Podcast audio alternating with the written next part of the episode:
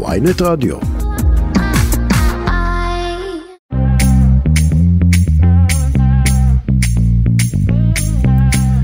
שלום לכם, ערב טוב, שבוע טוב, אתם על כסף חדש, התוכנית הכלכלית היומית של ynet רדיו.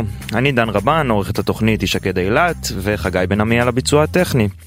אז מה יש לנו היום? אה, שני חלקים גדולים לתוכנית. בחלק הראשון נדבר על יוקר המחיה ועל הצעדים המסתמנים של הממשלה אה, בשביל לטפל בריכוזיות של יבואני המזון. אה, ננסה להבין מסגן השר במשרד ראש הממשלה לשעבר, אביר קארה, מה דעתו על המהלך. ואחר כך קצת על הצינון הצפוי בעליית מחירי החשמל וכמה משמעותי באמת לכיס שלנו, אם בכלל. בחלק השני של התוכנית נדבר על ההשפעות של הרפורמה המשפטית על המשק ועל הכלכלה בישראל, ברקע המחאה שמתכננות uh, עשרות חברות בתחום ההייטק למחר וההתפטרות של בכיר בבנק ישראל. Uh, זה יהיה מעניין, ולקראת סוף התוכנית, קצת uh, סקפיזם לנשמה, נצא מארצנו הקטנטונת ונדבר על כך שהודו בדרך לעקוף את סין במספר האזרחים. איך זה ישפיע על הכלכלה העולמית? לא יודע, נבדוק. אה, אבל, קודם כל אני רוצה כאמור לדבר על נושא כואב וקרוב מאוד לליבנו, יוקר המחיה. אני רוצה להגיד שלום לנבית זומר, כתבת ynet וידיעות אחרונות. שלום נבית. ערב טוב. טוב, אז בתחילת השנה הייתה אמורה לצאת אה, לדרך רפורמה להגבלת כוחם של ספקי המזון והפארם, כך שהם יוכלו לעבוד רק עם יצרן גדול אחד. עכשיו נראה שהיא אה, צפויה להיכנס לחוק ההסדרים הבא. מה, מה בדיוק מתכננים לנו? אז זה בדיוק הבעיה, שהאוצר עדיין לא הבהיר לגמרי מה כוונת המשורר, מה זה נקרא רק יצרן גדול אחד. אוסם הוא יצרן גדול אחד, אז האם הכוונה שיוכלו לעבוד איתו מה, רק על מותג אחד שלו, או שיצרן גדול אחד לא יוכל אה, להחזיק בשני מותגים שמחזיקים בשליטה על שוק? זה עדיין מאוד לא ברור העניין. כן, אבל יש לנו איזושהי אה, זווית, נגיד, אה, שדיפלומט לא יוכלו לייבא גם את סטארקיסט וגם אה, פרוקטר אנד גמבל, נכון? יש איזה, יש איזה רעיון כללי. הרעיון הכללי הוא כנראה לפרק את הספקים הגדולים של רשתות השיווק או רשתות הפארם מלהחזיק כמה מותגים שכל אחד מהם שולט על נתח שוק, שולט באותו נתח שוק שלו. אבל לפני שאנחנו אומרים את זה צריך להזכיר שיש במדינה, או נדייק, עדיין יש במדינה חוק יסוד כבוד האדם וחירותו, שכולל בתוכו את זכות הקניין. ואתה לא יכול להפקיע מאדם או מחברה את הקניין שלו, כן? וזיכיון לצורך העניין הוא קניין, או, או היכולת לייצר משהו. בסדר, אני יכול להגיד לבג"ץ, ואז כן, פסקת אה, ההתגברות, מה הבעיה נבית? אז זהו, אלא אם כן במסגרת הרפורמה גם הולכים לבטל את חוקי היסוד, אז זה אני לא יודעת, אבל אם כן זה עצוב מאוד. בכל מקרה, כרגע משפטית זה נראה כמעט בלתי אפשרי לפי החוקים הקיימים היום. עכשיו, עוד אה, תיקון אחד, אומרים כל הזמן יבואן בלעדי על מוצר. אבל זה לא נכון, אין דבר כזה יבואן בלעדי על מוצר, יש יבואן בלעדי על מותג. המוצר נגיד משחת שיניים, שסטוביץ יש, אה, הוא בלעדי על המותג קולגייט, אבל משחת שיניים כל אחד יכול לייבא ולייצר, ואם אתה מסתכל על המדף... נבית? נבית נפלה לנו, תכף ננסה להבין אה, אה, מה קרה. אני בהזדמנות זו רוצה להזכיר לכם שאם אתם רוצים להאזין לנו בהאזנה מאוחרת אתם יכולים לעשות זאת באמצעות אה, אתר ynet, ynet רדיו, ובאמצעות כל אה, אפליקציות הפודקאסטים המובילות. תיכנסו, תחפשו כסף חדש ותוכלו להאזין לנו, ואם אתם כבר מחפשים אותנו באפליקציות הפודקאסטים, אז תשימו עוקב וככה תדעו כל פעם שיש אה, תוכנית חדשה ותוכלו אה, אה, להאזין ואולי אה, גם אה, ללמוד משהו על איך לשמור על הכיס שלכם. בהמשך התוכנית, בתקווה נבית תחזור אלינו תכף וננסה להבין איתה. באיזה שלב נקטעתי? נבית, את איתנו? כן. אוקיי. כן. כן. לא ידעתי שאני מדברת ללמבה, כן. כן, זה קורה לפעמים ברדיו לצערנו, אבל uh, הנה חזרת אלינו. בואי, אוקיי, אז uh, איפה היינו? אני לא יודעת איפה נקטעתי. איפה נתקדם? אני, אני אומרת שלפני שאנחנו נכנסים למהות של הרפורמה החדשה או פיצול אה, אה, יצרנים גדולים או ספקים גדולים, צריך להזכיר כמה עובדות יסוד. אחד, זה אמרנו חוק יסוד, אה, חוק יסוד של כבוד האדם וחירותו שכולל את זכות הקניין. אתה לא יכול במדינה להפקיע היום קניין ממישהו. ולצורך העניין זיכיון לדיפלומט או זיכיון למשחת שיניים זה קניין ואתה לא יכול להפקיע אותו. כן, דיברת באמת אני... על ההבדל בין, בין מהו מותג למהו מוצר. כן. נתת דוגמה של קולגייט, איך זה, איך זה רלוונטי באמת לסוגיה הזאת? כלומר, מה, מה המשמעות של זה?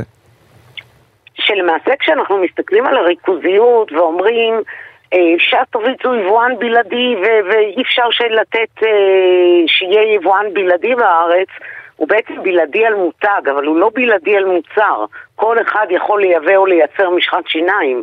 צריך לזכור את זה כשמדברים על ריכוזיות. כן, אבל אז אפשר גם להגיד, את יודעת, קולגייט, כמה היא מתוך נתח השוק הישראלי, ואם היא... אבל אז צריך לשאול למה היא כל כך הרבה, ב...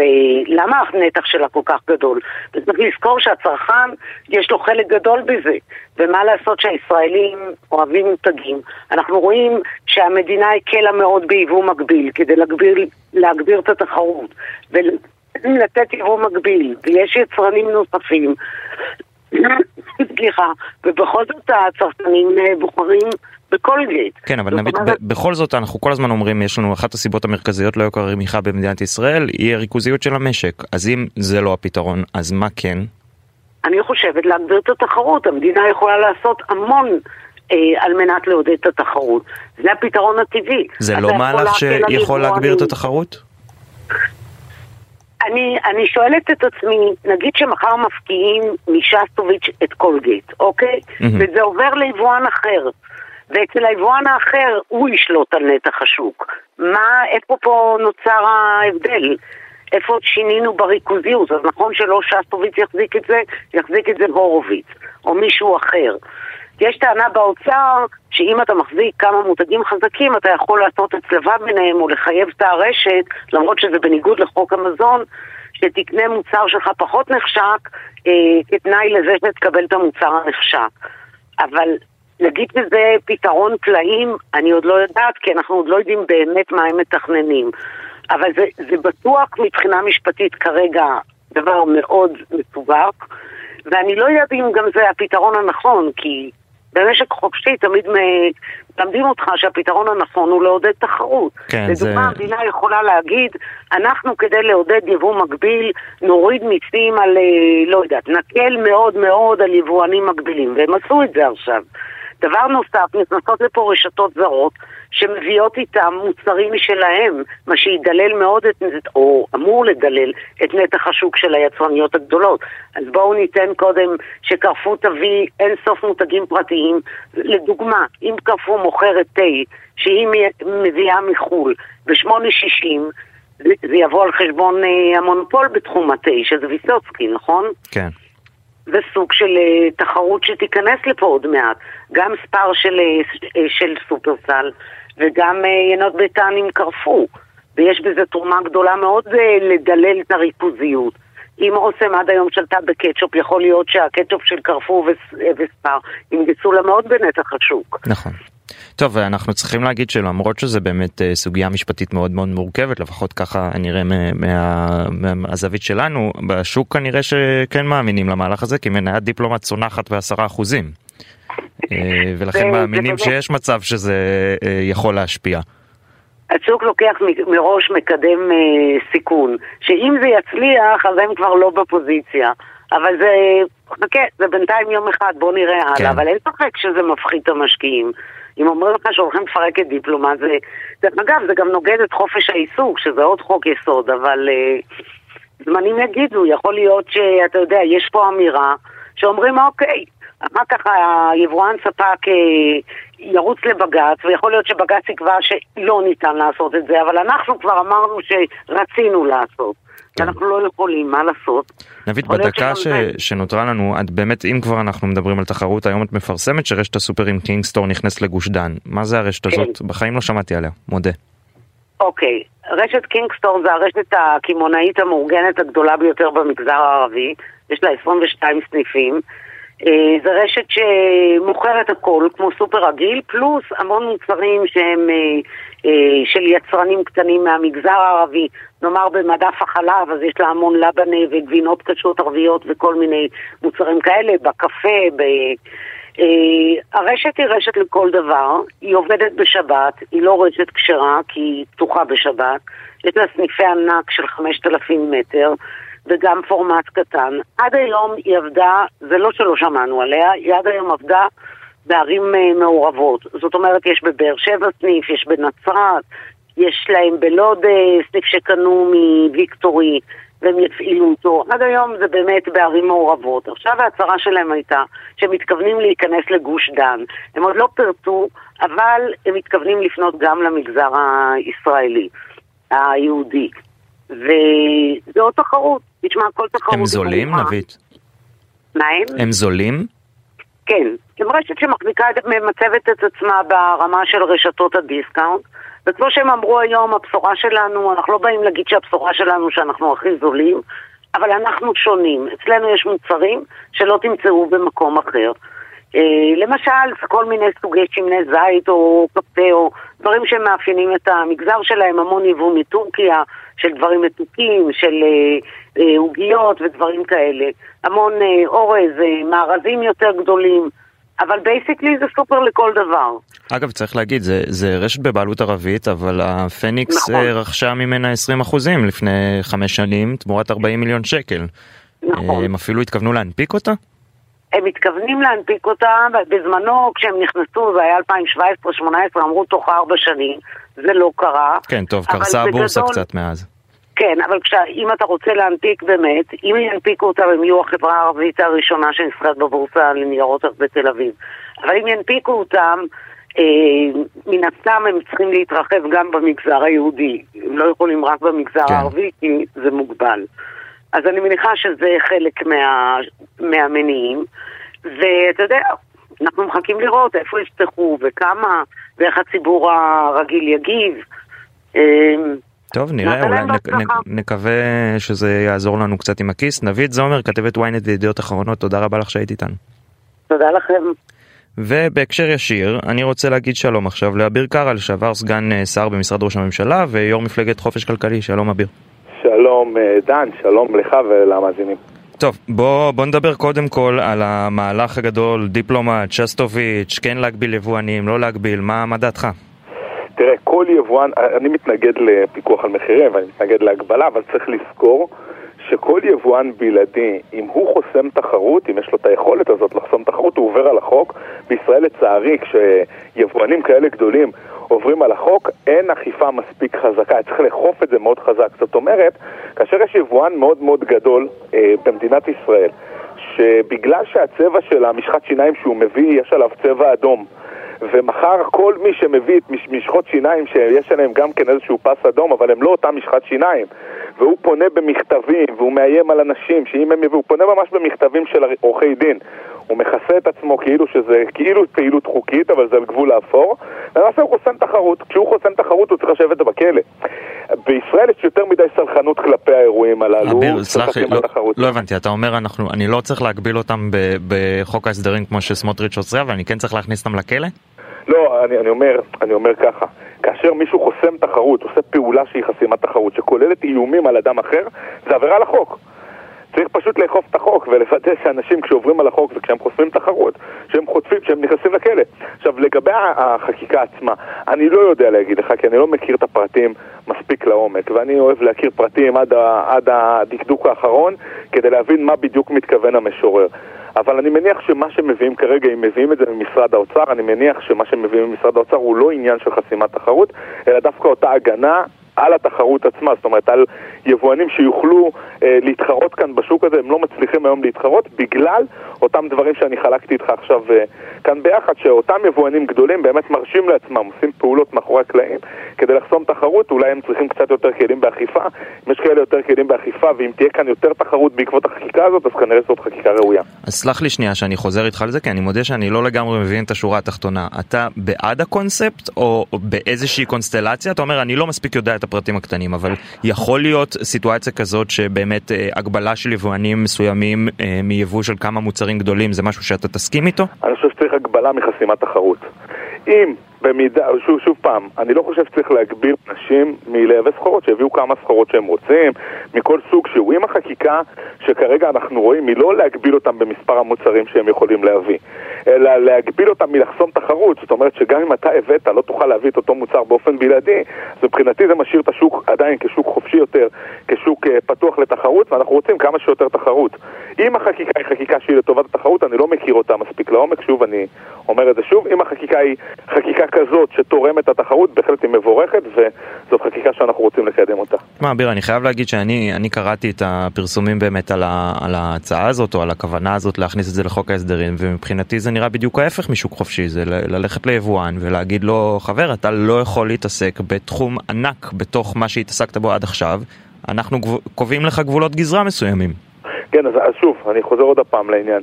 אני לא מכיר מספיק את הרעיון. אני מניח שאם זה הגיע מהאוצר, האוצר לא מתכוון לחסום uh, תחרות באף צורה שהיא. אתה אמרת שזה מגיע מסמוטריץ'. אני לא מכיר חקיקה שמתכוונת להגביל אנשים מלהביא סחורה מסוימת, אם זה קורה זה חמור מאוד.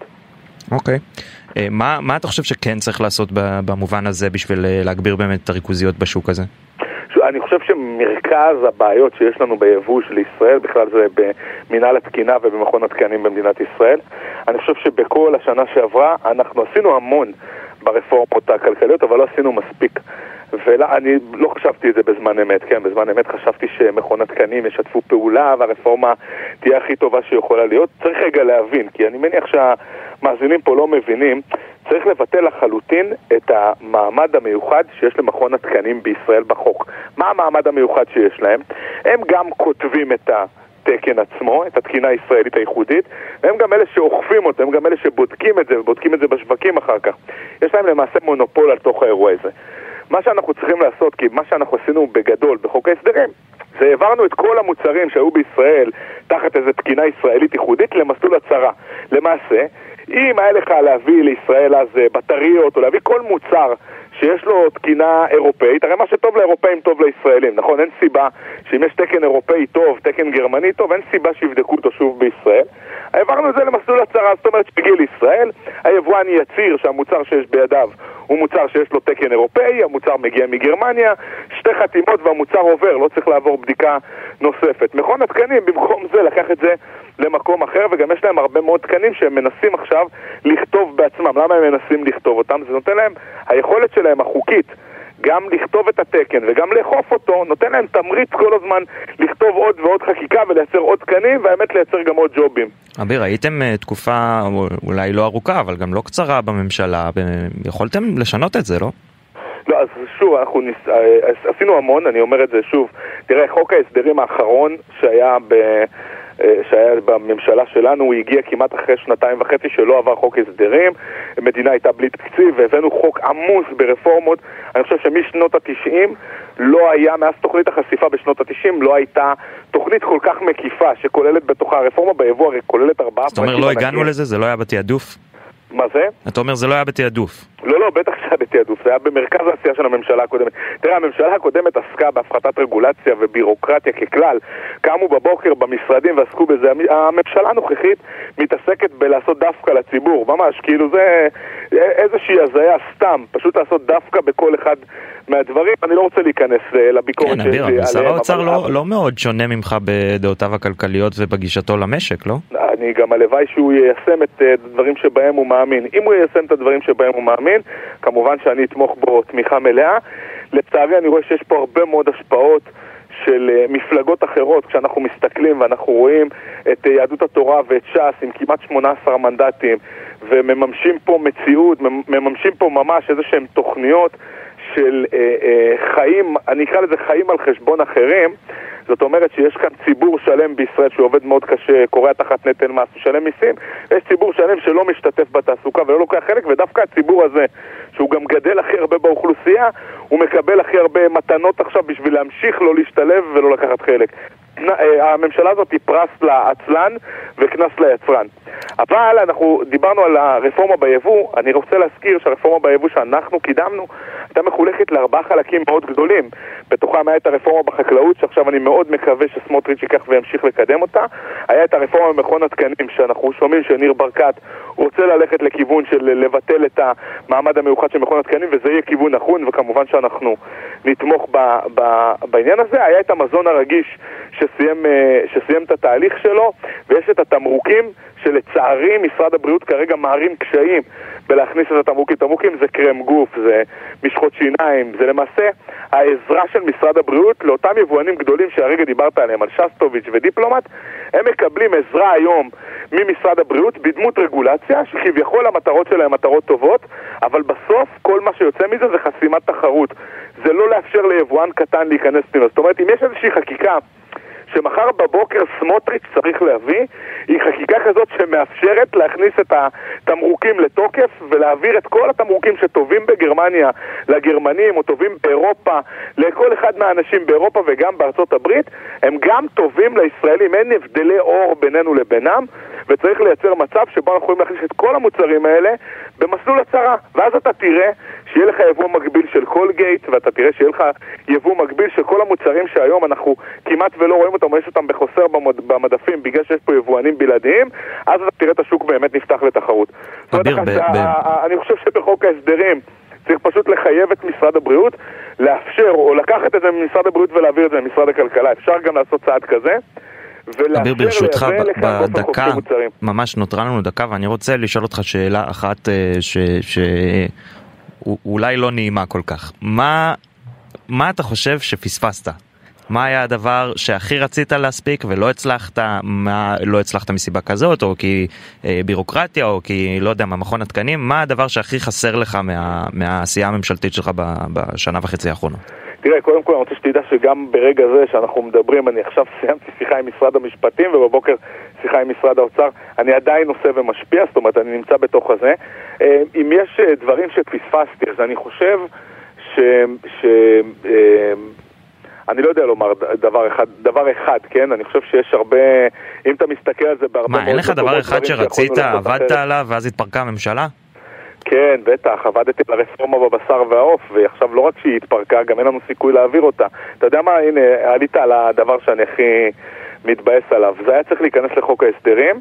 לצערי אנחנו לא היינו מוכנים אז עם חוק בחוק ההסדרים עם החקיקה בנושא של הבשר והעוף. צריך להבין, בשוק הבשר בישראל, ישראלים משלמים על בשר 45% יותר מאשר רוב המדינות uh, ב-OECD, זה קורה בגלל שיש לבשר ארבעה הורים מתעללים, הרבנות הראשית, uh, משרד הבריאות, uh, משרד החקלאות ותאגיד הפיקוח הווטרינרי, שמעמיסים עלינו הרבה מאוד רגולציות, הרגולציות האלה עולות מחיר, אז uh, אתה יודע מה, בפעם הבאה שישאלו אותי, דן, אני חושב שבזכותך אני אגיד ש, שזה הדבר שאני הכי uh, מתבאס שלא הספקנו לעשות, אבל צריך לזכור, הייתה לנו שנה אחת, אני חושב שמה שעשיתי בשנה אחת באמת עם היכולת שלי להשפיע אני, אני לא מאמין כל פעם כשאני משפשף את העיניים שבאמת הצלחנו לעשות כל כך הרבה בשנה אחת ואני מקווה שזה עוד יימשך אה, גם בשנים הבאות. אני אמשיך לעבוד מאוד מאוד קשה עכשיו.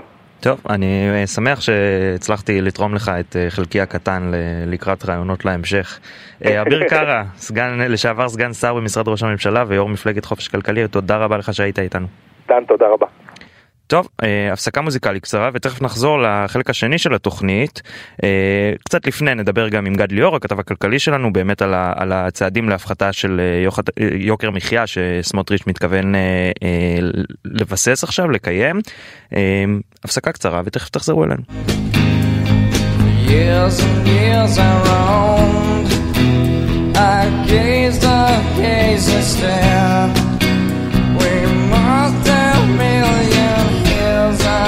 Must have died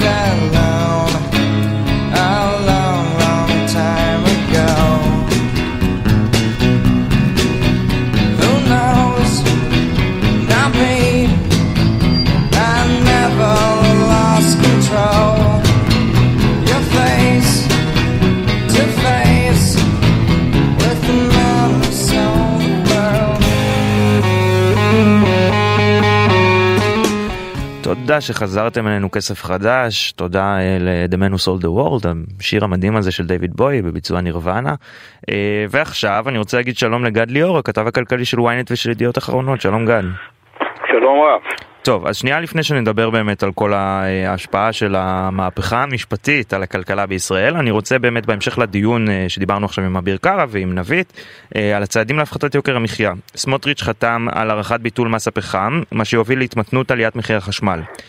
מצד שני, ועדת החוקה אישרה את הרחבת החוק הנורבגי, שהעלות שלו גבוהה מאוד. לא, אני, סליחה על הגיחוך תוך כדי זה, זה פשוט באמת קצת מצחיק. גד, כמה אנחנו נחסוך, לעומת כמה אנחנו נוציא? נוציא הרבה יותר ממה שנחסוך. כל החוק הנורבגי הזה הוא מיותר לחלוטין, כשאנחנו מכפילים אותו בארבע שנים עם הממשלה הזו, תחזיק ארבע שנים, מדובר במאות מיליונים, פשוט לא להאמין. אתה מכניס עשרים חברי כנסת, שכל אחד מהם יקבל הם, בסביבות שני מיליון, זאת אומרת הוא עולה שני מיליון, יש עוד הוצאות מסביב וכולי, אנחנו כבר עומדים על ארבעים מיליון בשנה, בארבע שנים זה מאה שישים מיליון, אבל זה לא בדיוק כך, כי צריך לשכות בשבילהם, צריך אה, שירותים בשבילם, צריך לקנות אולי עוד שולחנות, עוד דברים, זאת אומרת, ההוצאה היא גבוהה ביותר ואין שום סיבה בעולם שיהיו כל כך הרבה חברי כנסת, הרי ב-1948 הוחלט שיהיו בכנסת ישראל 120 חברי כנסת, חלקם שרים, אגב בכלל לא דובר על סגני שרים, אז בסדר, אז אפשר אולי שרים אחדים לפתור, או, או סגני שרים באמת מהמעמסה בכנסת, דווקא את אלה שעובדים קשה, אבל הם לא מתפטרים, דווקא אלה ש...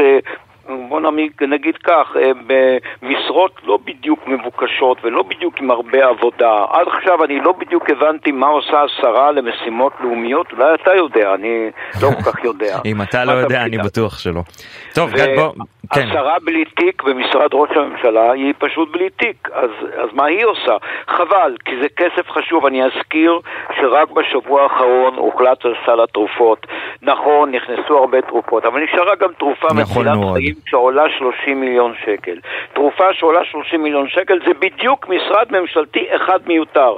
לפי אה, אה, מחקר שהיה, משרד ממשלתי קטן שמקימים אותו בלי צורך עולה 31 מיליון שקל. לא חבל? חבל. חבל, בהחלט חבל. טוב, בוא, בוא נדבר שנייה באמת על ה... הנה הגענו, מאזינים יקרים, לחלק השני של התוכנית, ואנחנו מדברים על המהפכה המשפטית.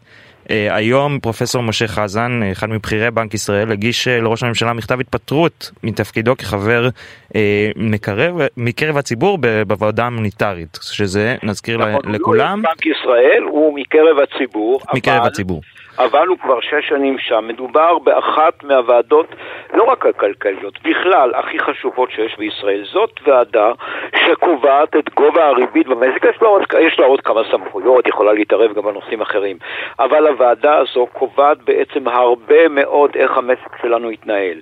והוא פרופסור מאוד ידוע, הוא, הוא איש רציני, והוא נבחר לשמש בוועדה, והוא כבר שש שנים בא, וכנראה הגיעו מים עד נפש, שהיום הוא אמר, אני מתפטר, אני רוצה להשתתף במחאה הזאת נגד מה שרוצים לעשות עכשיו, נגד המהפכה הזאת, אתה יודע, קוראים לזה רפורמה, יש כאלה שאומרים שזה ריסוק, נצטט פה את נשיאת בית המשפט העליון של המערכת המשפטית, הוא כנראה רוצה להשתתף בזה. כן, ומה, איך אנחנו, איך הוועדה הזאת מורכבת? כלומר, איך היא תתפקד בלעדיו? כמה הוא היה חלק משמעותי בתוכה? קודם כל, מאחר שחברים מאוד מעטים בוועדה, רק שישה, אז כל אחד הוא, הוא חשוב מאוד. עכשיו, יש אה, שישה, שלושה אנשי בנק ישראל, הנגיד, המשנה ועוד בכיר בנק ישראל, ויש שלושה אנשי ציבור. אגב, אם יש תיקו בהחלטה כלשהי, אז לנגיד יש שני קולות, אז זה נגמר ארבע שלוש. הוא מוציא את הקלף המנצח. נכון, כן. היו כבר מצבים, לא רק של תיקו, היו גם מצבים שאנשי, שנציגי הציבור לפני שנים אחדות ועוד אחד מאנשי בנק ישראל היו אפילו נגד הנגיד לפני כמה, לא, לא היום, אבל כבר לפני שנים, והחלטה אה, התקבלה כפי שהם הצביעו. זאת אומרת, זו, זו בהחלט חברות חשובה. עכשיו חשוב גם מה הוא אומר שם. חלק מהחברים בעבר היו אמנם בדעת מיעוט, אבל הם אמרו צריך להעלות ריבית, אני מזכיר, לפני שהריבית בישראל עלתה, כבר היו דיונים ימים, אנחנו מקבלים את הפרוטוקול ימים אחדים לאחר הישיבות, הייתה כבר, אה, אה, אה, אה, הייתה כבר הצבעה בעד להעלות את הריבית, אבל עדיין הוועדה ברוב קולות לא העלתה אותה. חשוב מאוד מה שנאמר שם. עכשיו, לא סתם כך מוותרים על תפקיד כזה, זה תפקיד, אני חוזר ואומר, מהבכירים במדינת ישראל, אתה יכול להשוות את זה אולי לשופט או משהו, יש לו, אגב, לפעמים סמכויות יותר מאשר שופט, אלה סמכויות רבות מאוד להחליט מה יקרה במשק הישראלי, האם לעלות בחצי אחוז, בשלושת רבעי אחוז, לא לעלות בכלל, להוריד ריבית, מאוד מאוד חשוב, במיוחד כשאין פה בשנים האחרונות חמש פעמים ממשלה וחצי שנה בעצם בנק ישראל מנהל את הכלכלה, כי לממשלה, ממשלת מעבר, אסור לנהל אותה. כן, אני אנחנו... חושב שגם כולנו, כל המאזינים יכולים, אה, ואולי בתקופה האחרונה במיוחד, להבין את החשיבות של ההחלטות של הוועדה הזאת, כי אנחנו פשוט מרגישים אותה בכיס, במשכנתה שעולה לנו, אה, ובמשק שמדכדך עם העלאות הריבית, כלומר כולנו מדברים על זה כל היום.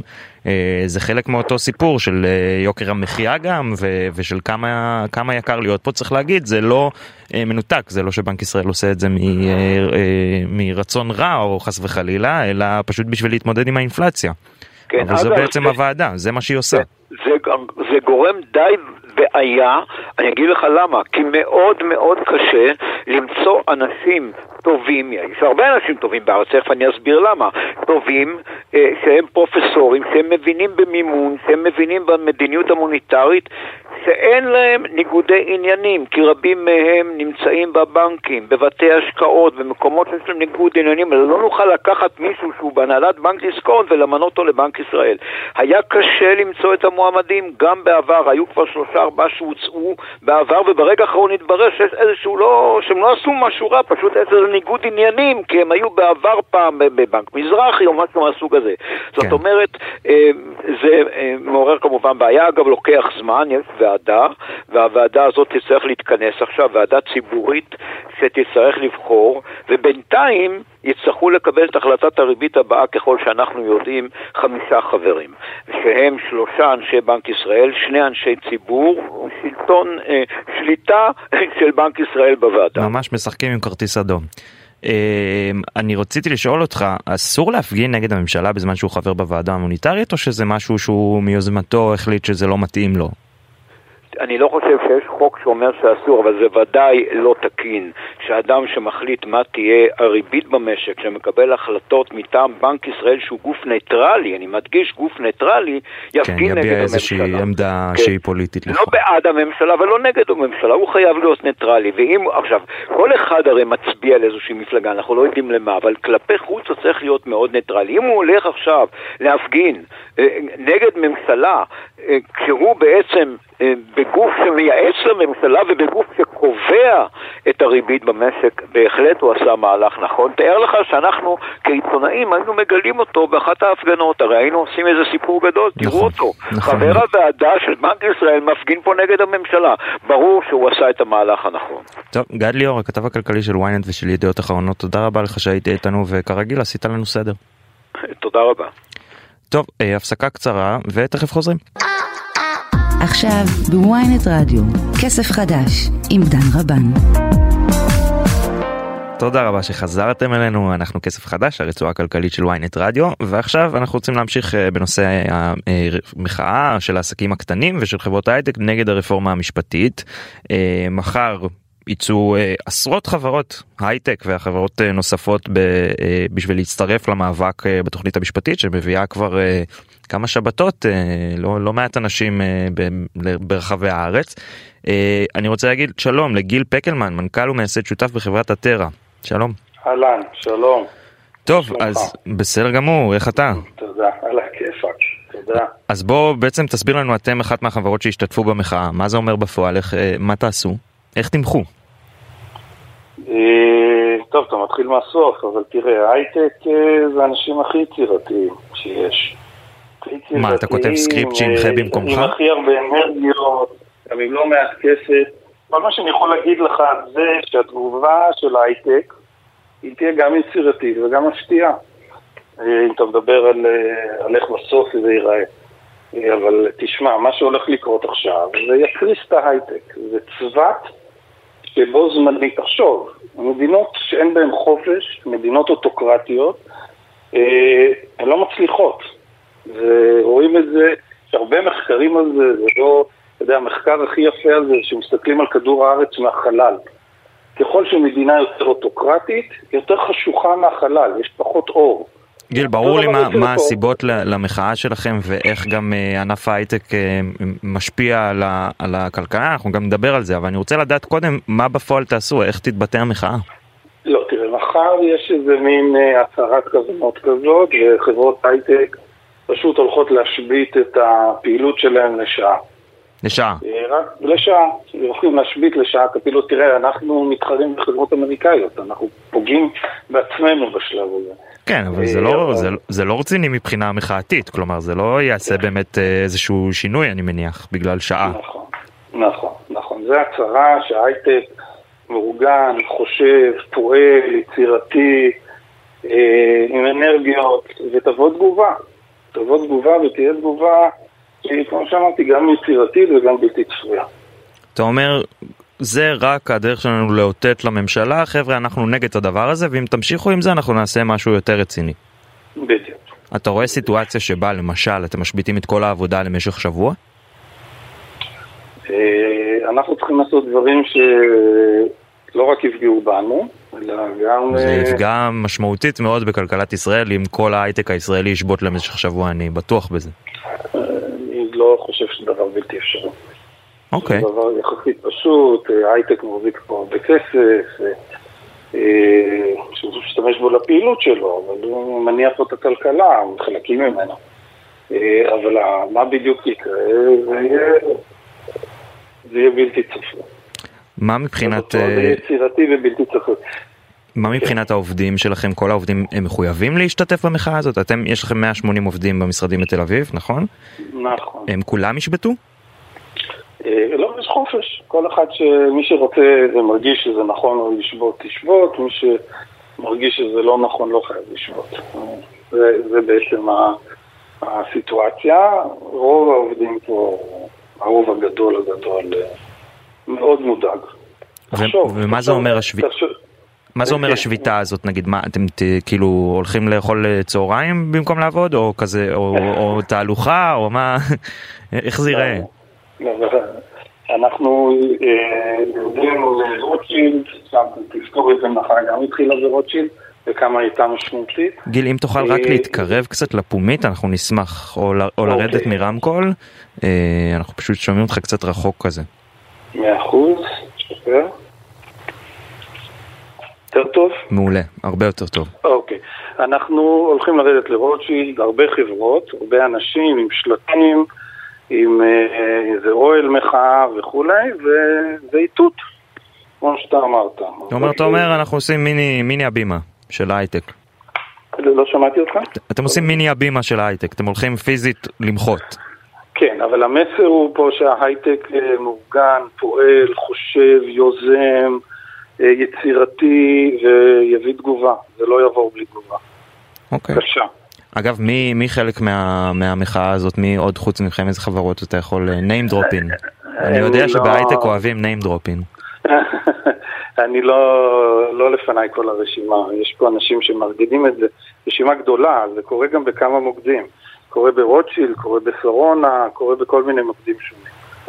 טוב, אה, נחכה לראות. תשמע, האנשים, אה, תחשוב רגע על עובד הייטק, שהוא, אה, יש לו שלושה ילדים, ונועם הולך עכשיו להחליט מה, איך נראית מערכת הלימודים שלו, זה דבר בלתי נסבל. אשתו, שהיא עובדת, אה, ההגנה של המערכת המשפטית על נשים, ש-50% מהאוכלוסייה שהם גם ככה אה, בייצוג אה, חסר ובשכר יותר נמוך, פתאום זה ייעלם. הם יצטרכו לשבת מאחורה באוטובוס, יצטרכו לעבור לצד השני של הכביש. והוא כל היום, או היא, כל היום מקבלים פניות מחברות אמריקאיות. כל היום הרי, גם היום. תחשוב באיזה מהירות האנשים האלה יקומו ויעופו מפה. תחשוב גם מה יקרה אם עשרה אחוז מה top הייטק ייעלם. זה נגמר ההייטק. אתה אומר מל, מלבד ה- החשיבות שלנו כאזרחי מדינת ישראל, זה פשוט לא, זה, זה יפגע בעסקים. ההייטק ייעלם, זה 40% מהייצוא, ייעלם בשנייה, בכזאת מהירות, שלא נספיק בכלל לחשוב על זה. ב- ב- בהתחלה הם יעבדו אה, מהבית, ועד שיגמר שנת הלימודים. גם בשנת הלימודים הם יהיו במדינה אחרת. ונעלם הייטק, מספיק שעשרה, חמש עשרה אחוז מכל האנשים האלה יעברו וזה נגמר. ה top, top talent. טוב, נקווה שזה לא יקרה בקרוב. גיל פקלמן, מנכ"ל ומייסד אה, שותף בחברת אטרה, תודה רבה לך שהיית איתנו. תודה רבה. להתראות. ועכשיו אה, עוד הפסקה מוזיקלית קצרה, ותכף נחזור ונצא מישראל בשביל לדבר קצת על הודו ועל סין.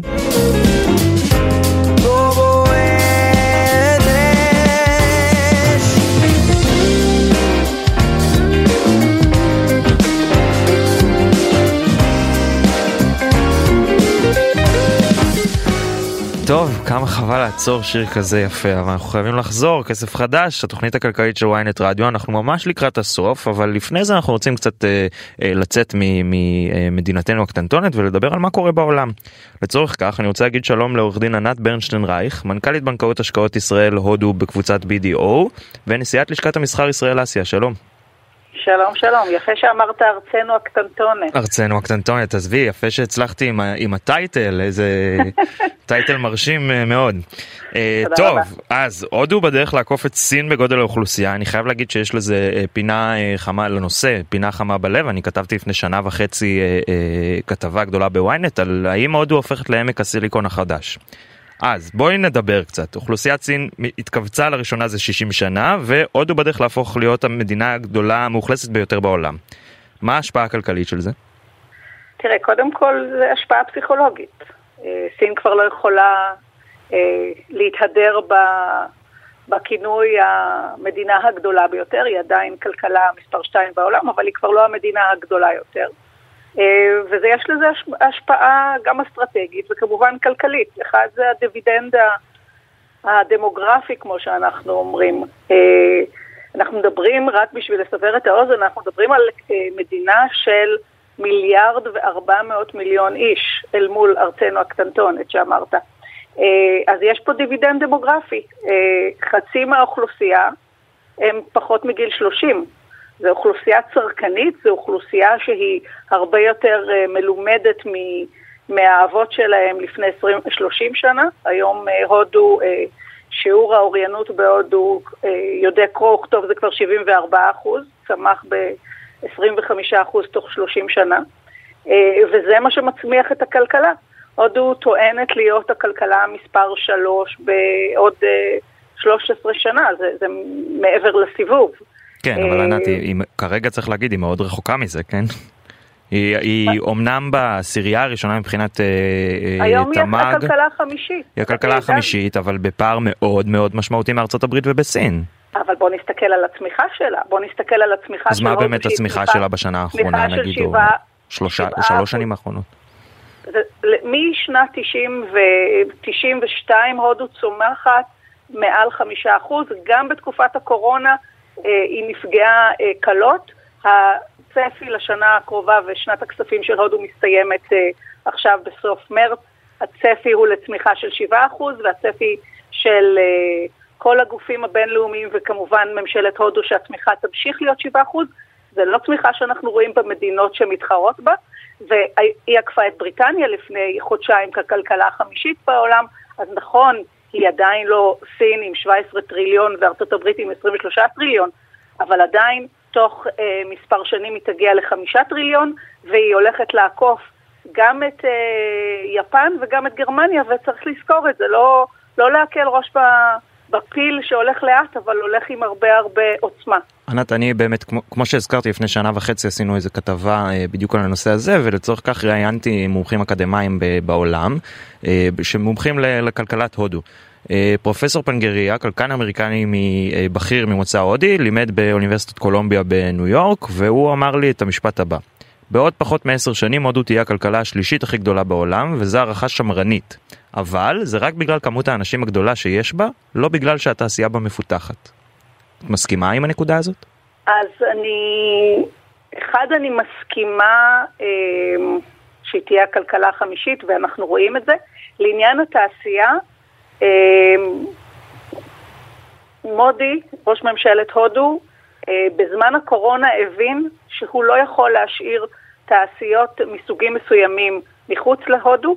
הם נתקעו עם שרשרת אספקה ותלות בסין, והיום ממשלת הודו נותנת תמריצים מאוד משמעותיים לתעשיות חדשות, תעשיית הסמי קונדקטור לדוגמה, הודו אה, נותנת תמריצים, טאוור אה, מישראל מסתכלת שם והרבה חברות מכל העולם בתחום הסמי קונדקטור מסתכלים על הודו, אפל עכשיו פתחה את המפעל שלה בהודו וכן הלאה וכן הלאה, יש תמריצים והודו בהחלט רואה את עצמה כמובילה תעשייתית. הקורונה האיצה את התהליך וחברות אה, מסתכלות על חלופות ייצור מעבר לסין, והודו כמובן נהנית גם מזה שיש אוכלוסייה וכוח אדם, וכוח אדם מלומד, שיקחו אותה להיות אה, מעצמה תעשייתית. אני לא אגיד לך שזה קורה בן לילה, שום דבר לא קורה בהודו בן לילה, אבל בהחלט רואים מגמה של מודי ושלטונו אה, להצעיד את הודו להיות מעצמה תעשייתית. זהו, אה, אגב, זה בדיוק אחד, ה... כשאני תהיתי באמת על הנושא הזה, אותו פרופסור הסביר לי בזמנו שאחת הסיבות שאנחנו רואים פער כל כך גדול בין סין לבין הודו, למרות שהן שתיהן מדינות ענקיות, זה שסין הצליחה במידה מסוימת לשנע את כוח העבודה העצום שלה לתוך התעשייה הסינית, מה שהודו לא ממש הצליחה לעשות. השאלה, את אומרת, זה משהו שמשתנה בשנה, שנתיים האחרונות? כלומר, הוא, מודי יודע להשתמש בכוח העצום הזה של מיליארדי, literally מיליארדי עובדים, מיליארדי אה, ידיים עובדות בשביל לשנע את הכלכלה ההודית? אה, בהחלט, בהחלט. יש אה, היום מה שנקרא שר שהוא שר שהתפקיד שלו זה skill development.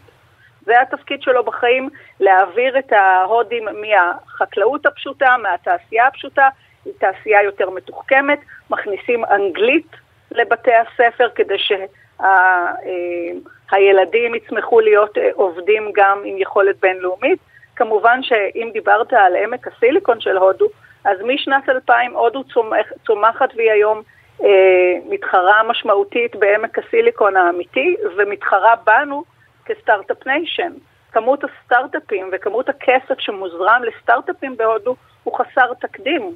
בתוך חמש שנים הודו צמחה אה, להיות מעצמת סטארט-אפים ופשוט צריך להיות שם כדי לראות איך, איך זה עובד וכמה כסף יש היום בוונצ'ר קפיטל ההודי שהולך uh, לתעשיית הסטארט-אפים, וסטארט-אפים כמובן זה גם מצמיח את תעשיית ההייטק. כן, טוב, אני חושב שאין סטודנט בארץ למדעי המחשב שלא פתח סרטון אה, של אה, בחור או בחורה ממוצא הודי שמסביר לך על מתמטיקה ליניארית ו... אם אתה מבין את, המ...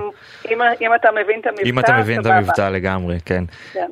עכשיו, בואי נדבר קצת גם בכל זאת על ההשפעה על ישראל. מה, נגעת בזה קצת, שהם מתחרים בנו בתחום הסטארט-אפים, איך זה, איך זה משפיע עלינו זה שהם גדלים ומתפתחים והופכים להיות באמת כלכלה יותר ויותר גדולה? אני חושבת שהצמיחה של הודו היא טובה גם לנו בסך הכל. אה, הודו היא שותפת סחר משמעותית של ישראל, גם אה, בתעשיות השונות וגם כמובן בתחום הדיפנס. אה, כשיש כלכלה צומחת וכשיש אוכלוסייה כזאת גדולה, זאת אוכלוסייה צרכנית. אם אנחנו מסתכלים על מעמד, מעמד הביניים בהודו, שזה 300, צומח להיות 400 מיליון איש, זה אנשים כמוני וכמוך שמשתמשים באותם מוצרים. ולכן הייצוא מישראל יצמח ככל שהצריכה ההודית גוברת, ולכן אנחנו בהחלט נהנים. אנחנו גם ראינו בשנים האחרונות צמיחה משמעותית בייצוא, או בכלל בסחר הבילטרלי בין ישראל להודו. זה היה לפני הקורונה חמישה מיליארד, היום אנחנו כבר נוגעים בשבעה מיליארד, וזה לא כולל את השני מיליארד הנוספים שהם אה, אה, בתחום הסחר אה, הצבאי. הביטחוני, ולכן, כן. הביטחוני, ולכן אנחנו בהחלט שמחים שהודו צומחת. יש יותר פיות שקונות, יש יותר אנשים שצריכים את המוצרים הישראלים, וכולנו נהנים מזה. טוב, אה, נקווה לראות את זה מתפתח וממשיך. אני אישית לא הייתי בהודו, אני אשמח אה, אה, לראות אותה מקרוב ולהבין באמת לאן זה הולך. אה, עורך דין ענת ברשטיין רייך, אני אשמח לבוא, בטח, רק שמישהו יזמין אותי. עריך מוזמן, דן. עורך דין ענת ברשטיין רייך, מנכ"לית בנקאות השקעות אה, ישראל הודו בקבוצת BDO ונשיאת לשכת המסחר ישראל אסיה, תודה רבה לך שהייתי לנו, היה מרתק. תודה לך, להתראות, ביי ביי. עד כאן כסף חדש להיום, אה, מיד אחרינו דודו ארז ויואב רבינוביץ' עם סיכום היום, מחר רועי כץ יהיה איתכם, תודה לשקד אילת שערכה את התוכנית, תודה לחגי בן עמי על הביצוע הטכני, אני עידן רבן, אה, שיהיה לכם המשך האזנה נעימה והמון כסף חדש.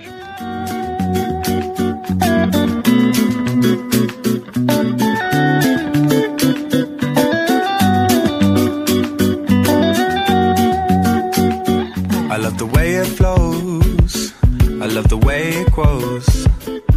There's something in this sound that takes me far. It's like a special song, can move my mood along. But I cannot say you'll hit through my guitar. She told me at the bass line, and everything will be alright. She told me that the groove is mine, it will take us through the night.